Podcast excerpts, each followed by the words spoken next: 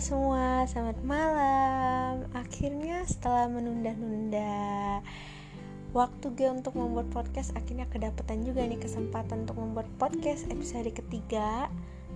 Dan langsung aja sih gue mau bahas tentang hubungan asmara dan ini konfliknya itu adalah perselingkuhan.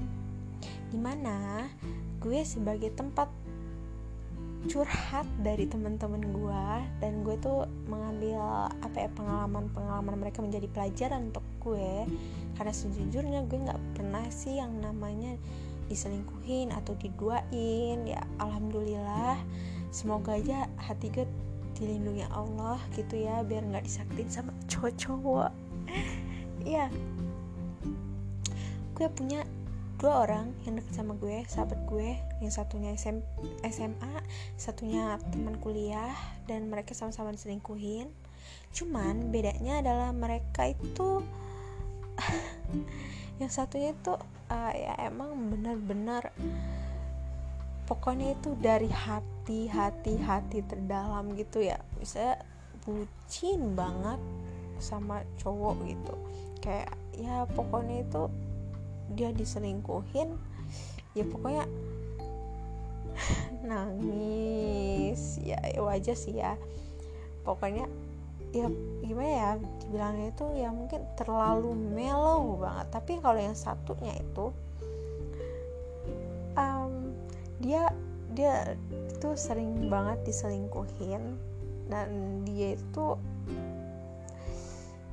uh, orangnya kalau diselingkuhin dia bakal cari pelampiasan ke orang lain. Dan biasanya pelampiasannya adalah macarin dan mematahkan hati itu. Gitu. Beda banget sama temen gue yang satunya ini. Yang malah dia tuh melau nangis nangisan dan terus dia itu apa ya hmm, pokoknya sedih banget ketika si cowok itu mendapatkan penggantinya gitu. Tapi kalau yang ini ketika dia diselingkuin dia bakal cari mangsa lain dan dia bakal nunjukin yang pengganti gue ini lebih oke okay ketimbang mantan gue gitu. Dan malah malah sama, tapi sama pacaran juga dia punya cadangan. Lucunya itu sih dia punya cadangan. Ya kalau misalkan putus ya udah ada pengganti gitu. Bedanya kayak gitu tapi gue mau membahas penyebab orang itu kenapa sih selingkuh. Karena tiap sudut pandang itu pasti punya ceritanya gitu. Karena um, gue tahu uh, gue pernah merasakan posisi di mana sebenarnya bukan gue sebagai diselingkuhin tapi kayak gue mau selingkuh gitu ya gila serem juga ya. Gue mau selingkuh itu karena karena uh, ketik gue ada di posisi itu tuh. Dengan doi apa ya dia gak pernah um, cueknya cuek banget kebangetan dan kayak jarang banget yang ngasih perhatian dan kita juga jarang ketemuan jarang chatan juga. Ya pokoknya itu dia lebih sibuk sama temen-temennya kayak gitulah pokoknya lah ya. Dan itu membuat gue merasa terabaikan gitu. Dan kayak ada ego yang ingin banget gue turutin. Kayak ego gue mau mencari hal yang lain gitu dari orang lain gitu. Mungkin kesenangan yang sebenarnya ego itu bisa kita tahan gitu. Dan bersyukurnya gue punya prinsip sebagai manusia, sebagai perempuan, bagi gue selingkuh itu ada hal-hal yang sangat-sangat murahan. Kalau ini menurut gue ya, ya murahan sih bagi gue itu yang namanya selingkuh itu sesuatu yang emang nggak bisa dimaafkan. Kita ya ya tapi kodratnya manusia harus memaafkan lah ya. Kan karena kita kan manusia biasa. Kesalahannya kita maafkan tapi enggak untuk balik ke orang yang sama gitu. Kalau itu pribadi dari diri gua sendiri. Nah dari posisi gue itu gue mengambil kesimpulan ternyata oh gue itu um, bisa dibilang kurang bisa menerima kekurangan dari si doi mungkin ya. Karena emang dia tabiatnya cuek mungkin ya mungkin ya kayak gitu jadi jadinya gitu. Dan ego untuk ego kita itu ya harusnya kita tahan ya begitu. Nah kalau dari kasus yang gue tahu dari temen gue ini adalah si cowok ini nggak suka ketika si ceweknya ini sering banget nanya kamu di mana? Udah makan atau belum? Jangan lupa sholat segala macam. Nah padahal itu adalah bentuk bentuk apa namanya kepedulian dari si cewek ini. Tapi cowoknya merasa terkekang. Dan dia akhirnya memilih selingkuh. Dan kesalahannya si cowok ini kalau emang dia nggak suka dengan caranya adalah dia bisa untuk berbicara baik-baik dengan pasangannya. Selingkuh adalah bukan jalan jalan apa ya jalan keluarnya untuk untuk apa ya dalam hubungan ini malah makin memperkeruh gitu. Dan dia menuruti egonya. Nah itulah kesalahannya. Karena uh, kalau misalkan gini kalau orang itu selingkuh pasti gue bakal yang pertama-tama langkah yang gue ambil adalah gue mencari tahu dulu penyebabnya yang apa yang dia kenapa dia akhirnya memilih selingkuh dan gue bakal melihat diri gue sendiri gue bakal introspeksi diri gue sendiri. Apa sih kesalahan gue atau kekurangan gue sehingga dia memutuskan begitu gitu. Kalau misalkan oh salah gue di sini kekurangan yang gue di sini kita pakai apa satu kesempatan coba kita perbaiki lagi dan tapi kalau misalkan si cowoknya masih kayak cowok atau cewek lah ya masih ya emang tetap ngelakuin kayak gitu ya berarti emang si ininya aja yang apa rada-rada gitu lah ya. Saya kayak brengsek gitu. Ya itu pantas sih nggak usah kita pertahankan gitu. Tapi bodohnya adalah kebanyakan perempuan itu perempuan ataupun cowok lah ya menerima mantan mereka yang udah pernah selingkuh gitu. Dan rata-rata itu karena rasa sayang. Terus mungkin takut gak bisa mendapatkan seperti dia padahal ada banyak yang lebih baik dari orang dari masa lalu kita itu dan penyebabnya sebenarnya lebih dominan rasa sayang kali ya rasa sayang. Nah karena dominan rasa sayangnya itu akhirnya balikan tuh. Um, nah si cowok ataupun cewek itu akan berjanji nggak akan mengulangi kesalahan yang sama gitu.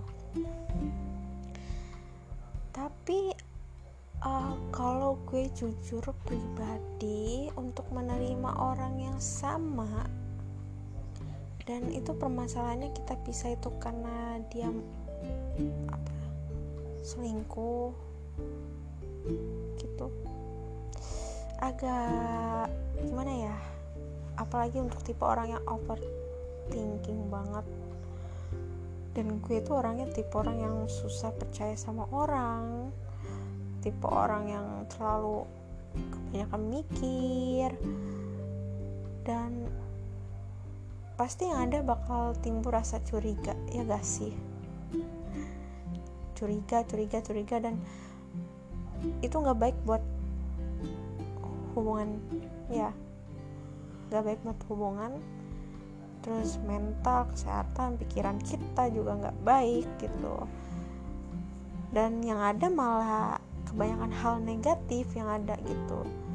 Dan parahnya setelah mungkin untuk beberapa orang diberi kesempatan ada aja yang menyanyiakannya dengan selingkuh dua kali gitu. Hmm, parah banget sih. Nah inilah kasus yang temen gue rasakan diselingkuhin dua kali. Padahal awalnya sudah dibilang kalau dia udah selingkuh kenapa harus diterima lagi gitu? Kalau dalam hubungan lo tadinya lo udah memperbaiki apa yang sebenarnya rusak lo udah mencoba bertahan dan lo udah mencoba ya istilahnya yang bener-bener lu pengen buat dia merasa nyaman tapi dia tetap ngelakuin hal itu ya lepaskan. Tapi kenapa ketika orang itu balik lagi dia masih diterima dan dia kembali melukai lagi gitu. Itulah perlunya uh, mencintai diri sendiri ya. Nah dari sinilah yang gue ambil hikmahnya gitu sisi positifnya. Bagian mana yang kurang diri kita dulu yang harus dicintai baru orang lain ya gak sih? Kalau orang lain duluan yang kita cintai dan kita mengabaikan diri kita yang ada kita mengorbankan kebahagiaan kita. Hanya untuk orang yang belum tentu jodoh kita. Aduh sayang banget sayang banget rugi diri kita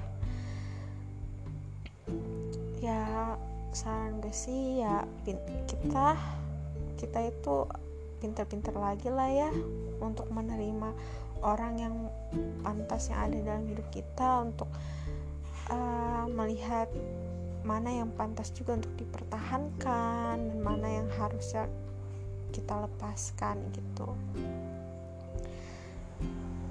Dan kasus kedua kenapa juga kebanyakan orang itu selalu diselingkuhin selalu diselingkuhin. Gue percaya jodoh itu cerminan dari diri kita sendiri. Dari apa kasus yang kedua yang gue lihat dari temen gue ini dia sering diselingkuhin. Nah padahal dia juga main belakang juga gitu ya kan? Tapi ketika dia udah serius tetap masih aja gitu. Ya saya gimana ya? Putus dapat lagi pacar putus dapat lagi pacar. Ya kebal juga sih sangat petualang gitu. Dan gue dan kalau gue sendiri gue tipe orang yang kalau udah putus itu gue paling ogah banget sih untuk pacaran lagi gitu. Ya saja gitu. Kayak ya kita tetap buka hati tapi untuk menjalin hubungan secepat itu kayaknya enggak lah ya. Ya masih dipikir-pikir lagi.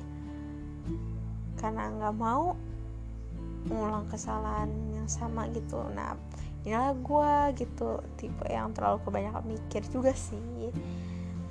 Nah balik lagi gue percaya jodoh itu cerminan dari diri kita. Kalau kita mendapatkan seorang yang emang suka selingkuh berarti ada yang salah dari diri kita juga. Yang gue lihat dari temen gue juga ya sama aja gitu. Kayak yang nyelingkuhinnya sama pacar masih ada cadangan. Jadi pas putus ya udah dapet pengganti gitu. Dan itu gue rasa sangat-sangat salah gitu lah ya.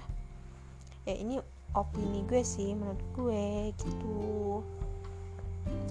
Sangat-sangat salah. Jadi kalau kita emang mau dapet yang benar-benar kitanya juga harus benar-benar. Kalau kita mau dapet yang setia kitanya juga mesti setia gitu. Itulah namanya jodoh. Itu adalah cerminan dari diri kita sendiri kalau saran gue sih kita itu mencintai diri kita dulu lah ya sebelum mencintai orang lain gitu. Jangan sampai kita mengorbankan kebahagiaan kita mengorbankan hati kita untuk orang lain dan kita nggak mendapatkan kebahagiaan itu dan hati kita malah kita sakit malah disakitin gitu aja gitu. Dan kita gak bisa berbuat apa-apa. Padahal bisa. Tapi karena rasa sayangnya itu yang terlalu besar. Dan ya kedua kita perbaiki diri kita dulu. Kita introspeksi diri kita dulu. Kita benah berbenah dulu kekurangan kita. Dan lebih apa ya memikirkan kelebihan kita juga. Ya kalau menurut gue sih begitu sih simpelnya. Dan cinta itu harus diiringi dengan logika. Jadi jangan hanya perasaan pakai hati doang. Kalau pakai hati doang logika bakal mati gitu. Dan kita bakal terjebak sama rasa sayang rasa cinta yang sebenarnya semu gitu tapi kalau kita kebanyakan logika dan apa melupakan hati perasaan kita yang ada kita juga bisa menyakiti perasaan orang lain. Karena kita sendiri nggak nggak mengiringi dengan perasaan dan hati kita gitu. Itulah gunanya hati dan logika itu harus berjalan seiringan walaupun itu susah gitu. Dan gunanya teman sahabat itulah sebagai tempat kita cerita sebagai tempat kita untuk meminta saran. Karena pada saat kita menjalin hubungan itu kita tuh sedang bodohnya sedang bucin-bucinnya gitu. Kadang ya suka nggak sadar gitu. Ya itu aja sih uh, apa podcast gue hari ini. Cuma itu yang pengen gue sampein ya semoga aja ada sisi positif yang bisa kalian dapetin dari omongan gue ini. Dan kalau yang jeleknya ya dibuang. Dan maaf kalau misalkan masih banyak kekurangan dari podcast gue karena gue juga masih belajar gue juga masih berproses dan terus berproses. Oke okay, uh, eh, gue juga mau bilang nih um, kalau kalian punya cerita mau sharing pengalaman kalian atau apa pun itu kalian bisa DM di Instagram gue ada di bio nya STYSRAH 6 kalian bisa DM gue di situ nanti kita bisa ngobrol-ngobrol cerita-cerita seru-seru gitulah ya yang mungkin tadi nggak kenal mungkin bisa kenal. Karena dulu juga gue pernah tuh nulis tuh di Wattpad tuh.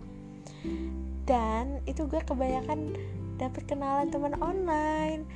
Terus juga gue kan gue kan nulis ceri apa puisi-puisi gitu. Nah nanti gue menawarkan diri yang emang kalian butuh tempat cerita dan kalian gak ada temen buat cerita apa sungkan ragu mau cerita entah nggak percaya atau gimana. Terus gak apa-apa cerita online sama gue gitu. Karena kan uh, kebanyakan orang juga lebih nyaman cerita online karena ya nggak kenal gitu. Hanya sebatas ingin meluapkan unek-unek yang ada di dalam diri kita aja kayak gitu sih nah jadi kalau emang kalian ada pengalaman sharing ntar kita cerita-cerita ntar mungkin bakal gue bahas di podcast episode selanjutnya gitu. Jadi hmm, pokoknya jangan lupa share ya podcast gue gitu. Ya situ aja sih. Nanti um, mungkin gue bakal bahas tentang apa ya kayak body shaming atau apa pun itu. Ya pokoknya tunggu aja ya podcast selanjutnya ya. Oke see you dadah